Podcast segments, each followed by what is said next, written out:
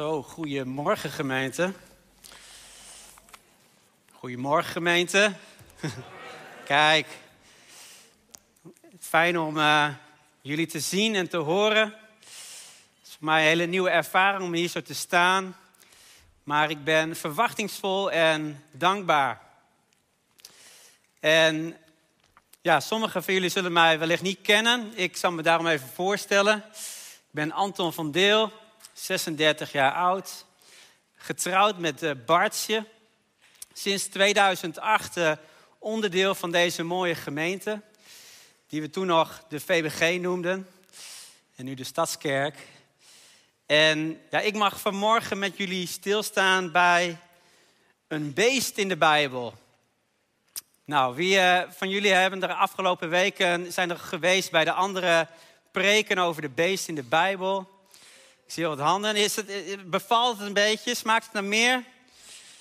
Yes. Ja, ik vind het ook een mooi thema. En uh, ja, het is ook wel iets, ik, ik heb het ook een beetje van, van huis uit meegekregen. Of eigenlijk heeft het een beetje een generatie overgeslagen. Mijn opa die, uh, en oma trouwens, die waren echt fanatieke vogelaars. Dus die gingen, die gingen altijd naar plekken toe om, om bijzondere vogeltjes te spotten. En ze waren ook nog imker. En mijn andere opa, die hield van vissen. En niet dat hij zelf ging vissen, maar hij hield van vissen. Dus hij kocht ze en hij at ze op. Dus het is mij wel een beetje met de spreekwoordelijke paplepel ingegoten. En uh, ook samen met Bartje, uh, er gaat eigenlijk geen vakantie voorbij. Dat wij ook uh, op een van onze plekken bij het ontwaken van de dag, s ochtends om vijf of zes uur soms al, plekken opzoeken en naar dieren zoeken. Spotten. Zijn er meer spotters in de zaal? Ja? Dan is er straks na de preek ook ruimte voor gebed bij de ministry. Dan kunnen we dat ook gaan verbreken. Nee, zonder gekheid. Spotten, hè, dat, dat is eigenlijk dat je dan helemaal plekken gaat opzoeken en sporen gaat opzoeken waar dieren kunnen zijn. En ik denk dat wij er niet zo heel goed in zijn. Want de meest bijzondere ontmoetingen met dieren, die vinden eigenlijk plaats op het moment dat we er helemaal niet naar op zoek zijn. Afgelopen week nog, echt in, in twee dagen tijd, stond ik oog in oog met een hert, met een eekhoorn en met een egel. En dat zijn niet de, meest bijzondere beesten misschien, maar ik kan je vertellen, ik raak daar wel van onder de indruk. Toch verbleken die ontmoetingen bij die gebeurtenis uh, toen wij twee jaar geleden in Denemarken waren. En daar hebben we ook een kort filmpje van. En uh, die mag wel even ingestart worden. Wij waren namelijk, wij zaten in een afgelegen gedeelte van, van Denemarken. Okay. En toen liep daar opeens op ons erf van ons huisje een prachtige vos. Oh, en je hoort ons een beetje zenuwachtig lachen van wat is dit nou? Is dit echt? Moeten we nu heel bang zijn of, of kunnen we misschien wel aaien? Want hij ziet er toch eigenlijk best wel lief uit. En op een gegeven moment voelde hij zich zo op zijn gemak bij ons dat hij er even lekker bij ging liggen. ja, daar, het geluid dat mocht een beetje zacht, want daar, daar was ik niet zo trots op. Maar het laat wel zien dat het echt beelden zijn vanuit de privécollectie. Een bijzondere ontmoeting. En het was voor mij dan ook niet moeilijk om een keuze te maken toen me werd gevraagd van over welk dier wil jij gaan spreken. De vos. Nou, ik heb in de afgelopen dagen heb ik wel van mensen te horen gekregen. Een vos in de Bijbel, staat die dan ergens? Nou, ik ben benieuwd, zijn er mensen die, die dat ook zich afvroegen en op zoek zijn gegaan en een vermoeden hebben waar het vanmorgen over gaat? Over welk Bijbelverhaal? Laat eens iets horen. Simpson en de 300 vossen. Kaching. Dat is hem. Het is een prachtig verhaal. Een verhaal dat staat in Rechters 15. En, en we stappen daar eigenlijk midden in een gebeurtenis van het leven van Simpson. En ja, daardoor is het even nodig om jullie even mee te nemen in de context. Rechters, dat is het boek dat volgt na Joshua. Joshua die heeft het volk naar het beloofde land geleid. En in het beloofde land moest elke stam zijn eigen gebied gaan innemen. En dat ging niet zonder slag of stoot. En een rechter, dat was iemand, eigenlijk zou je het kunnen zien als een soort bevrijdend persoon, een, een dappere leider. Maar toen uh, Nutte net tijdens de voorbeden uh, sprak, hij sprak ook in geloof om dingen in lijn met Gods wil te brengen. Toen dacht ik, hé, hey, dat is ook een rechter. Een rechter maakt een situatie rechter. Meer in lijn met Gods wil. En zo'n rechter die werd eigenlijk ingevlogen. Het was een soort noodverbandje. Um, voor die situatie waarin het volk God de rug had toegekeerd. En dat is een patroon waar, wat, wat je steeds in rechters ziet herhalen. Het volk is ontrouw. Daardoor komt het onder onderdrukking. Het komt tot inkeer, tot God. En, en God die bevrijdt ze onder leiding van een richter of een rechter. Ik, ik gebruik die termen denk ik wat door elkaar, omdat de oude Bijbelvertaling, dat heette dan nog richteren. Nu heet het rechters. En Simpson is een van die twaalf rechters. En hij is de laatste die wordt behandeld en ook het meest uitgebreid. Er zijn vier hele hoofdstukken aan zijn leven gewijd. Nou, in de, de context dat uh, Simpson geboren wordt, dan, dan staat er ook in de Bijbel dat het volk ja, deed wat slecht was in de ogen van God.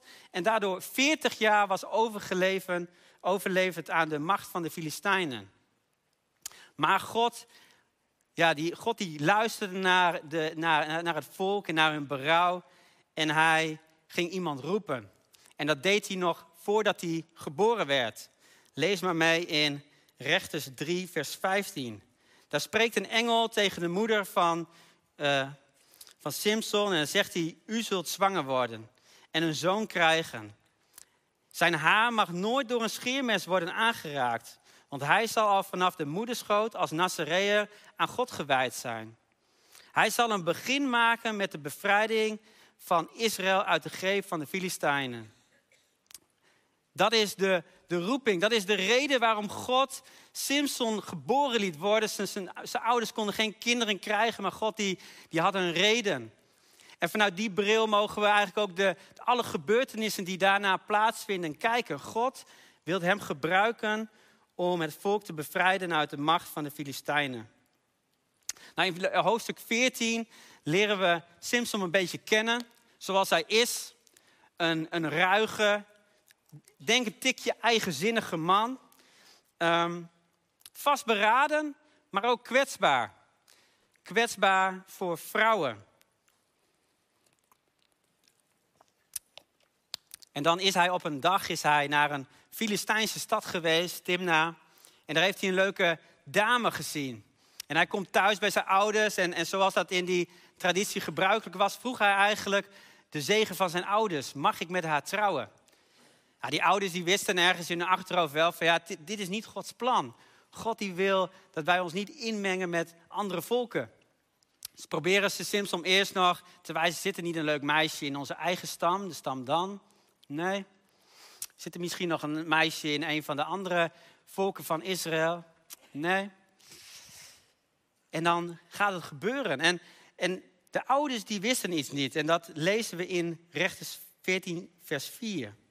En er staat, zijn ouders wisten niet dat het de Heer was die hierop aanstuurde. Omdat hij een aanleiding zocht om de strijd met de Filistijnen aan te gaan. De Filistijnen waren in die tijd namelijk heer en meester in Israël. God die heeft een plan met zijn leven. En God die is zelfs bereid om, om bepaalde principes aan de kant te zetten om daarmee bevrijding te bereiken. En zo geschiedde een feestje in de Filistijnse stad Timna. En dat ging er in die tijd zo aan toe dat ze zeven dagen lang feest hadden. En er staat ook dat uh, er dertig gasten waren uitgenodigd, leeftijdsgenoten van Simpson en zijn vrouw. En die kennen Simpson natuurlijk niet zo goed, dus, dus die, die probeerden een beetje kennis te maken. En er zullen wat spelletjes gedaan worden en uh, misschien grapjes gemaakt worden. En op een gegeven moment denkt hij van, laat ik er een leuk raadseltje ingooien. En dat raadseltje, dat ging, dat ging ergens om. Lang vooral kort, hij, hij legde de uitdaging, als jullie dit raadsel binnen zeven dagen raden, dan krijgen jullie elk van mij, alle dertig krijgen van mij een setje kleren. Maar als jullie het na die zeven dagen niet geraden hebben, ja, dan zijn jullie de puneut en dan krijg ik dertig setjes kleding. Nou, na drie dagen beginnen die gasten een beetje benauwd te krijgen. Ze komen er maar niet op en ze zetten zijn pasgetrouwde vrouw flink onder druk. Ze uh, bedreigen haar zelfs met de dood. En uiteindelijk krijgt de vrouw het voor elkaar om het antwoord van Simpson te ontrafelen. En dan geeft, hij dat, geeft ze dat aan de gasten. En op die zevende dag dan geven ze het antwoord. En Simpson is natuurlijk not amused. Hij is bedonderd door zijn eigen vrouw. Hij moet ook nog 30 setjes kleding moet hij gaan geven. En uh, nadat hij dat heeft gedaan, dan, dan, ja, dan zien we dat hij boos voor onbepaalde tijd naar huis gaat. Weer terug naar zijn ouderlijk huis. Hij vertrekt op zijn eigen bruiloft. Nou, en dan stel ik me zo voor, komt hij een beetje tot bedaren. En stappen we in hoofdstuk 15. Het was even nodig om jullie in deze inleiding mee te nemen. Maar we gaan nu lezen wat daar gebeurt in Rechters 15, de eerste vijf versen. Er staat, niet lang daarna, in de tijd van de tarweoogst, dat is een beetje in deze periode, juli, augustus, toen wilde Simpson zijn vrouw een bezoekje brengen. Hij had een geitenbokje voor haar meegenomen. Waarschijnlijk was de bloemist gesloten. En hij zegt, ik wil graag mijn vrouw, een bezoek, mijn vrouw bezoeken in haar eigen vertrek. Maar haar vader weigerde hem de toegang. Ik was er vast van overtuigd dat je niets meer van haar wilde weten, zei hij. Daarom heb ik haar aan een ander gegeven. Mooie schoonvader heb je dan. Maar haar jongere zuster is nog mooier dan zij. Waarom zou je die niet nemen in haar plaats? En toen zei Simpson, ik zal ze krijgen, die Filistijnen. En deze keer valt mij niets te verwijten. Hij ging weg. Hij ving 300 vossen en legde fakkels klaar. Toen stak hij de fakkels aan en stuurde de vossen de korenvelden van de Filistijnen in. Zo stak hij alles in de brand. Niet alleen de korenschoven en het koren dat nog op de akker stond, maar ook de wijngaarden en de olijfgaarden. Wat een verhaal. En eigenlijk ook best een gruwelijk verhaal. Ik denk dat in deze tijd dat Simpson geheid de dierenbescherming op zijn dak gehad. Was die online was die verguisd hè, in de cancelcultuur. Al zijn boekingen zouden worden geannuleerd. Niemand moest nog iets van hem hebben. En ik heb me de afgelopen dagen ook wel afgevraagd: wat heb ik mezelf op de hals gehaald door dit verhaal te kiezen? Maar ik geloof, het is een verhaal waarin een boodschap zit. En de letterlijke boodschap is dat, dat God zijn volk wil bevrijden. En, en, en dat hij daar, ja, ik zou bijna zeggen, alles voor over had. En in de tijd van het Oude Testament, dan ging dat vaak gepaard met veel strijd en met, ja, met, met slagpartijen. En dat is in onze tijd, in onze cultuur ook moeilijk ja, te, te bevatten. Maar je moet je beseffen dat, dit, dat, dat het boek Rechters, dat dat in de Joodse traditie onderdeel uitmaakt van de vroege profeten. En de vroege profeten die hadden als taak om het, het volk, om, om, om hen op God en op zijn geboden te richten. En het allereerste gebod dat, dat God aan Mozes gaf, dat was vereer naast mij geen andere goden. Als klein jongetje groeide ik in een kerk op waar elke zondag die geboden klonken. En dan werd er ook gezegd, want ik de Heer ben een jaloers God. En, en daar kon ik me heel weinig bij voorstellen. Ik had zelfs een beetje een negatieve associatie bij jaloers zijn. Dat kan toch niet goed zijn? En ja, God die heeft ons gemaakt. Hij heeft zijn volk gemaakt voor hemzelf. En hij is jaloers op zijn volk. Hij, hij wil de enige zijn voor hun. Hij wil de enige zijn voor jou en voor mij. En net zoals je je man, of je vrouw, je vriend of vriendin, of misschien iemand anders die jou heel veel waard is, dat je graag wil zijn dat jij de enige bent. Dat je de, ja, de enige bent waar, waar zijn of haar oog op gericht is. Waar die tijd mee doorbrengt. Ja, op diezelfde manier verlangt God ook naar jou. Naar jou helemaal, naar jouw hele hart. En daar is strijd om. En die strijd die zien we in het Oude Testament. Maar die strijd die zien we ook in het Nieuwe Testament. En daarover wordt ook beschreven in Efeze 6. Jullie kennen het vast, maar ik wil het toch eventjes samen voorlezen. Dan zegt Paulus ten slotte, zoek uw kracht in de Heer, in de kracht van zijn macht. Trek de wapenrusting van God aan om stand te kunnen houden tegen de listen van de duivel. Want onze strijd is niet gericht tegen mensen, maar tegen hemelse vorsten. De heersers en machthebbers van de duisternis, tegen kwade geesten in de hemelsferen. We krijgen een, een wapenrusting aangereikt. En, en niet om aan de, aan de kapstok te hangen of in de kast te leggen, maar om aan te trekken. En dat is omdat er een strijd is. En, en er wordt gesproken over een duivel die listen heeft en over allerlei, over allerlei rangen in een geestelijke wereld. En het verhaal van Simpson en die, die, die 300 vossen, dat, dat is een, ik geloof dat het een waar gebeurd verhaal is. En veel mensen zullen zich ook afvragen van hoe heeft hij dat toch voor elkaar gekregen? Iemand zei nog van ja, ik, ik, ik hoop eigenlijk wel te horen te krijgen hoe hij die 300 vossen heeft gevangen. Nou, het enige wat ik me kan bedenken is, is dat hij dat, dat, dat bokje waarmee hij naar, uh, naar zijn vrouw toe ging, dat hij dat bokje mee terugnam, dat hij dat in kleine stukjes heeft gehakt en dat hij daar misschien wat vossen mee heeft kunnen lokken. Nee, maar zonder gekheid, weet je, we, we zullen dat niet weten, maar de Bijbel en zeker het Oude Testament staat vol verhalen waarvan je denkt van hoe is dit mogelijk? Maar wij dienen een God ja, voor, waarvoor alles mogelijk is. En die eigenlijk steeds wil laten zien van, hey joh, probeer mij nou niet in dat hokje te plaatsen. Ik ben zoveel groter dan jij. Ik ben zoveel machtiger dan jij je kunt voorstellen. Dus het verhaal ja, heeft een letterlijke betekenis, maar het heeft ook een geestelijke boodschap, geloof ik. En, en als ik kijk naar rechters en het verhaal van Simpson, dan zie ik eigenlijk een, een soort centraal thema.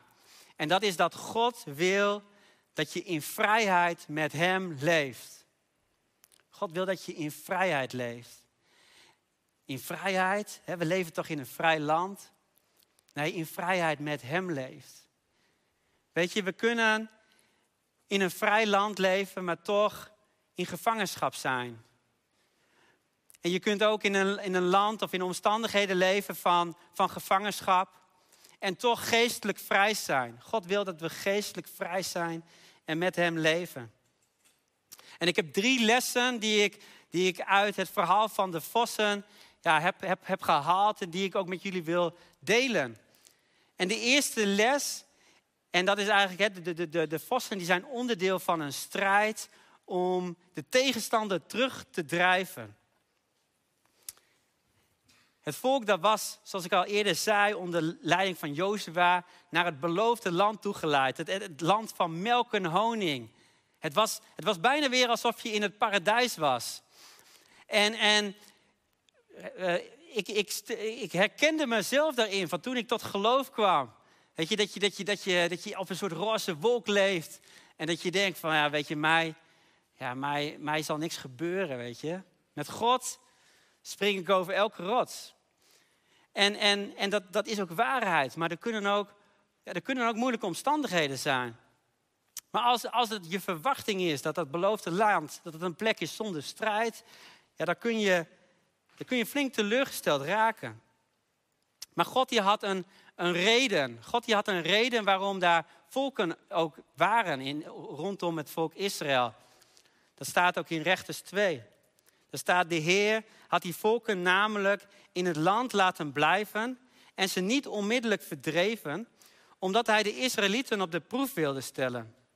Hij had ze niet aan Jozua uitgeleverd, omdat hij wilde zien of de Israëlieten eh, zich net als hun voorouders zouden houden aan de weg die hij hun gewezen had. Er staat op een andere plek dat hij het volk dat niet vertrouwd was met, met de strijd, met de oorlog, daar vertrouwd mee wilde laten zijn. Hij wil ons sterk maken. Hij wil ons laten, laten ontdekken hoe wij krachtig zijn om te strijden. Weet je, en, en, en als het, het drijft de tegenstander terug, dat kan heel makkelijk klinken. En dat kan ook een soort illusie wekken van, weet je, we leven hier in een wereld en die wereld is kwaad. En we moeten ons maar terugtrekken in ons bubbeltje. En nou, dat is misschien maar het meest veilig. Maar dat is nou precies niet wat we hier zien. Weet je, we zijn in de wereld, maar we zijn niet van de wereld. En God die, die, die geeft ons constant een keuze om zijn liefde te beantwoorden. Die keuze die kreeg, kregen Adam en Eva al in de hof. En ze mochten kiezen, ook voor die boom. Dat ik denk van, oh Heer, had die boom nou achterwege gelaten. Maar liefde is vrijheid, liefde is een keuze. En die vrijheid, die kreeg het volk hier ook. Ze waren geleid naar, naar dat land van melk en honing, maar ze hadden nog steeds de keuze. En dat zijn ook de woorden waarmee Joshua het volk daarachter liet. Kies dan wie gij dienen zult. Maar ik en mijn huis, wij zullen de Here dienen. En ook nu, hier in Nederland, hier in Groningen, hebben wij een keuze. Een keuze om mee te gaan in, in, in een cultuur, om, om onszelf of andere goden te volgen. Maar ook de keuze om Hem toegewijd te zijn. Ik geloof dat God ons ja, wil, wil leren om met Hem te heersen, in plaats van door de omstandigheden beheerst te worden. En ik vind het heel treffend wat Simpson zegt in vers 3. Na die, na, die, na die kater van die ontmoeting met zijn schoonvader, dan zegt hij: Ik zal ze krijgen, die Filistijnen. Het is klaar. Er is een soort heilig ongenoegen in hem van deze situatie. Ja, ik, ben, ik, ik, ik wil ermee afrekenen. Een soort Popeye-momentje. Ik, ik weet niet of, nou zeker de mensen van 35 jaar en ouder, die kennen Popeye nog wel. En Popeye, die had dan ook zo'n moment dat, dat er onrecht was. En dan pakte hij zo'n blik spinazie, die, die, die, die, die kneep hij zo kapot. Dat vond ik altijd heel bijzonder. En dan spoot zo dat spinazie in zijn mond. En dan kreeg hij oerkrachten. En dan kwam hij in actie. Omstandigheden kunnen verlammen. Maar God die wil, die heeft een kracht in ons gelegd om in actie te komen. En ik heb zelf ook een periode gekend in mijn leven dat ik op dat punt kwam. En, en mensen die mij kennen, die weten, die weten er alles van. Het was een periode waarin alles anders ging dan ik had verwacht. Ik werd ziek, ik heb uh, diabetes.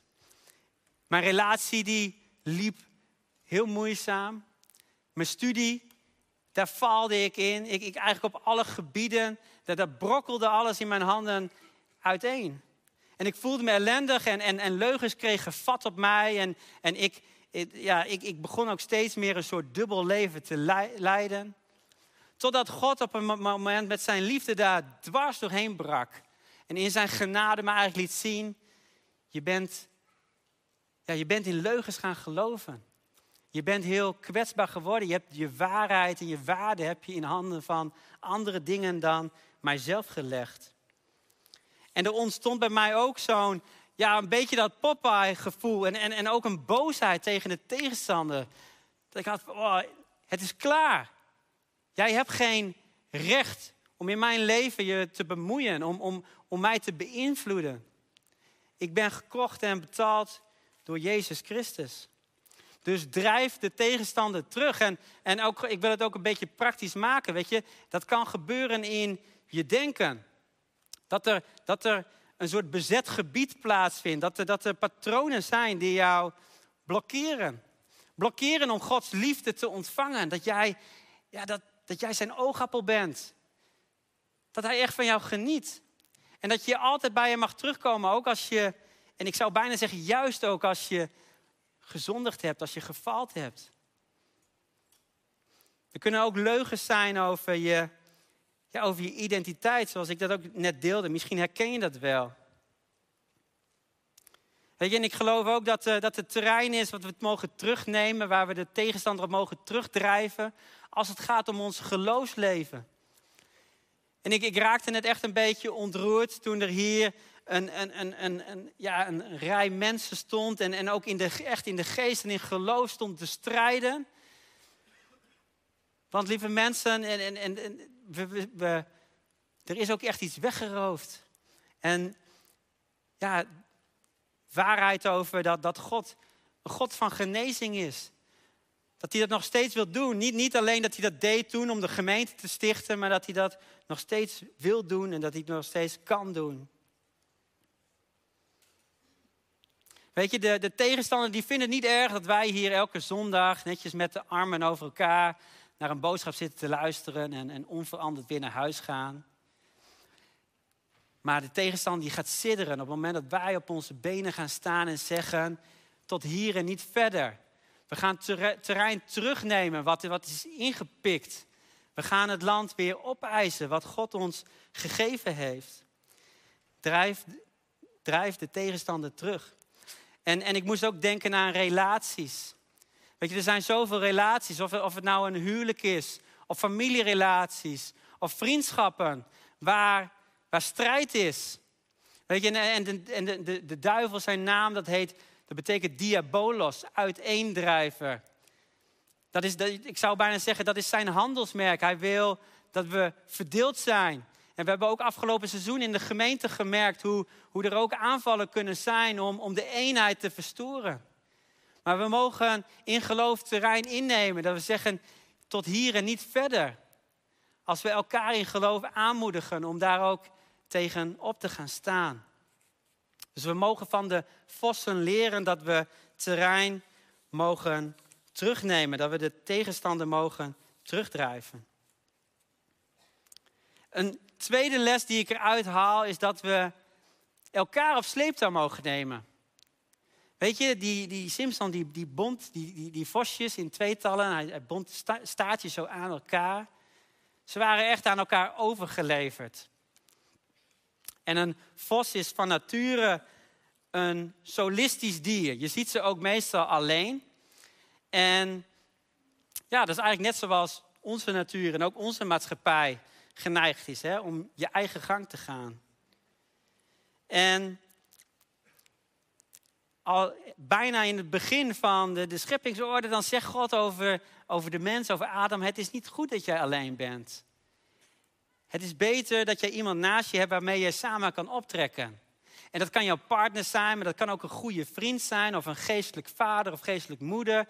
Maar we hebben elkaar nodig om elkaar op sleeptouw te nemen. Om samen sterker te staan. En, en, maar ik geloof ook dat het een andere functie heeft. Die vos, als die gewoon in zijn eentje met zo'n fakkel achter zich uh, was losgelaten, dan was hij waarschijnlijk, misschien wel met zijn staart tussen de benen, was hij hem gepeerd zo terug naar zijn veilige plekje, naar zijn hol. Terugtrekken. Angst. Afhaken. En is dat ook niet de neiging die die wij kunnen hebben, die ik ook zo vaak kan hebben. En dan ben ik zo blij dat, dat ik mensen in mijn leven heb, dat ik een vrouw heb, maar, maar ook vrienden heb die mij ook steeds weer aanmoedigen om vol te houden, om niet te verzwakken, om achter Jezus aan te blijven gaan. Sinds een paar jaar ben ik wat aan het hardlopen. En twee jaar geleden mocht ik voor uh, de vierde musketier een marathon lopen, een muskatlon. En wie een beetje ja, vertrouwd is met hardlopen, zeker voor langere afstanden, die weet, een marathon, dat wordt gaan afzien. Je kunt nog zo goed getraind zijn, maar het is 42,2 kilometer en vroeg of laat kom je de man met de hamer tegen. En helaas door corona kon ik niet naar Tanzania, maar liep ik een marathon eigenlijk hier gewoon in het mooie Groninger achterland. En ik had een aantal vrienden die met me meeliepen. Ik had Bart die met mij meefietsten. En ja hoor, zo rond, rond kilometer 32 begon echt overal in mijn lijf pijn te doen. En, en, en, en ik had het echt moeilijk. Ik had ook moeilijk om perspectief te zien. Maar het was zo'n troost en, en daar moest ik ook aan denken bij dit punt. Het was zo'n troost dat, de, dat mijn vrienden en mijn vrouw me aanmoedigden. Je bent er bijna. Hou vol. Je hebt een doel voor ogen. Niet uitstappen. We zijn er samen om elkaar op sleeptouw te nemen. En die vossen die konden ja, niet ontkomen aan elkaar. En zo kan het soms in de kerk misschien ook wel voelen. Toch? Dat je, dat je misschien denkt van, nou, uh, laat mij maar niet uh, vastgebonden zijn aan die persoon. Maar God die heeft het zo bedoeld dat we samen een lichaam vormen. Dat we elkaar aanmoedigen om de wedloop te volbrengen. Dit verhaal dat deed me toch ook steeds denken aan een ander verhaal, wat we lezen in Lucas 10. Die wil ik ook graag met jullie voorlezen. Daar staat geschreven, daarna stelde de Heer 72 anderen aan, die hij twee aan twee voor zich uitzond. Naar iedere stad en plaats waar hij van plan was heen te gaan. Hij zei tegen hen, de oogst is groot, maar arbeiders zijn er weinig. Vraag dus de eigenaar om de oogst, uh, van de oogst om of hij arbeiders wil sturen om de oogst binnen te halen. Ga op weg en bedenk wel, ik zend jullie als lammeren onder de wolven. En in vers 9 zegt hij, genees de zieken die er zijn en zeg tegen hen, het koninkrijk van God heeft jullie bereikt. Waar we in het Oude Testament nog zagen dat de velden die klaar waren om te oogsten, die werden vernietigd. De tegenstander die werd teruggedreven. Daar zien we dat in het Nieuwe Testament de opdracht anders is. We zijn niet per se alleen maar bedoeld om dingen af te breken. We zijn vooral ook bedoeld om dingen tot bloei te brengen. Om hoop te brengen. Goed nieuws, het evangelie. Wij hebben goud in handen. En die velden die zijn, die zijn gewoon rijp. Maar de Heer die zoekt mensen die die velden ingaan. Die het gaan doen. Ben jij zo iemand of kun jij zo iemand ook voor een ander zijn die ja, de ander op sleeptouw neemt? En het derde wat ik, wat, ik, wat ik haal uit dit verhaal is dat het allemaal draait om het vuur. Het vuur maakt het verschil.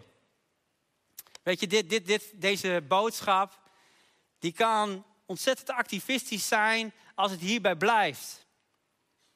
Drijf de tegenstander terug. Neem, neem, neem, neem gebied terug hè, in je leven wat is weggeroofd. En nou, doe het vooral ook samen. Maar dit verhaal dat was waarschijnlijk helemaal niet opgetekend geweest in de Bijbel als die fakkeltjes niet waren aangestoken. Weet je, we hebben de geest nodig. Ik heb de geest nodig. En dat is ook het beeld van het vuur, de Heilige Geest. Johannes die zegt ergens, ik doop met water, maar na mij komt iemand, Jezus, en die doopt met vuur. En dat vuur, dat kan soms en, en, en, en dat, dat, dat geldt ook voor mijzelf. Dat kan soms een beetje een waakvlammetje voelen. Toch? Ik denk van ja, de Heilige Geest is er wel. Zonder de Heilige Geest had ik ook niet tot geloof kunnen komen.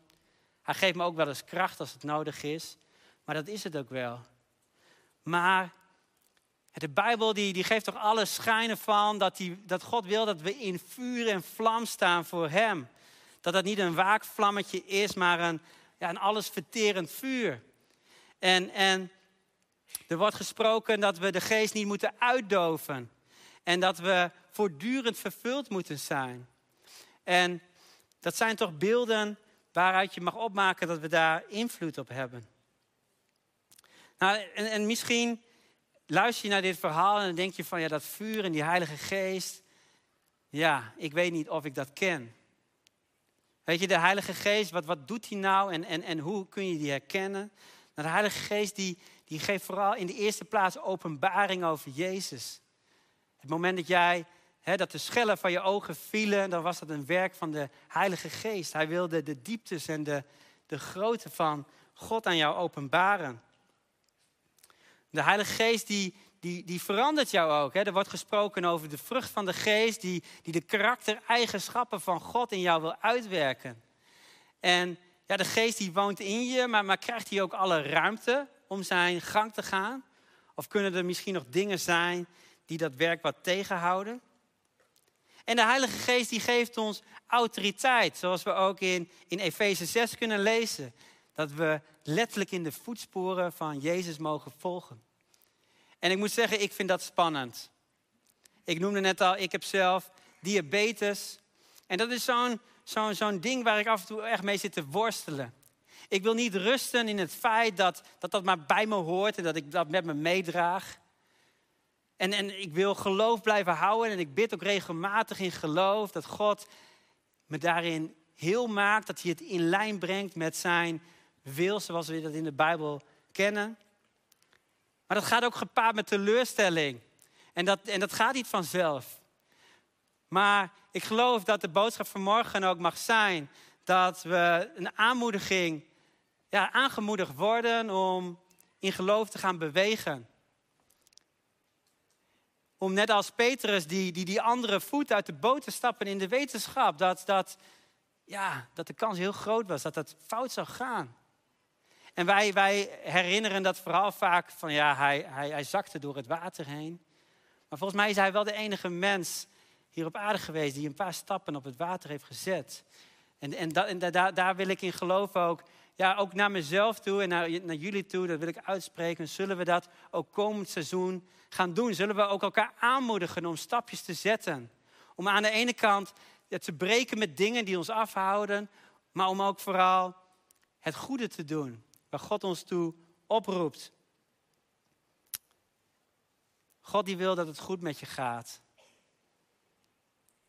God die wil dat je in vrijheid met hem leeft. En daarom dus die oproep om terrein terug te nemen. Om dat samen te doen, om samen sterk te staan. En om bovenal het van zijn geest, van het vuur van de Heilige Geest te verwachten. En daar wil ik ook voor bidden. Amen. En de band mag wel alvast naar voren komen.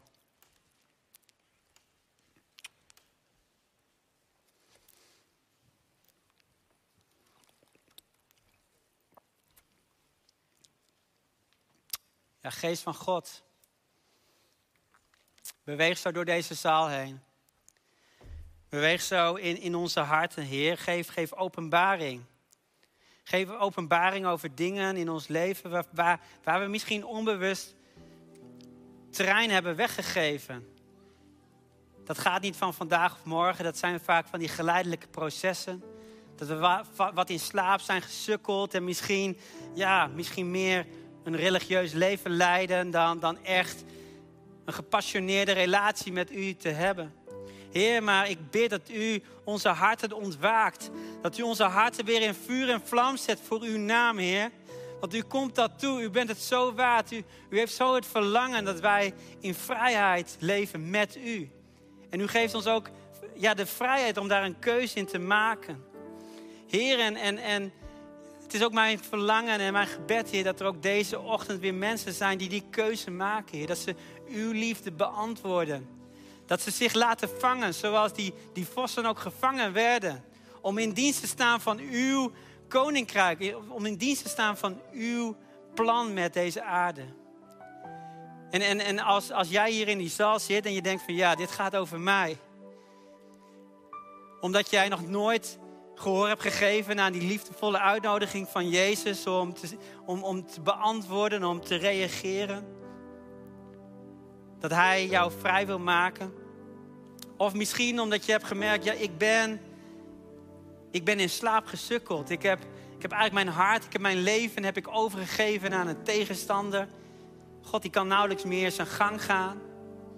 Het vuur kan nauwelijks meer branden. En dat, dat daar een doorbraak in nodig is. Als jij je in een van beiden herkent, dan wil ik graag voor je bidden. Wil je dan ook je hand opsteken op dit moment? Dat je je in, in vuur vlam staat, laat zetten door Jezus. Dat jij je leven ja, in dienst stelt en dat je zegt, Heer, ik wil u volgen. Neem mijn leven. Laat het, Heer, toegewijd zijn aan u.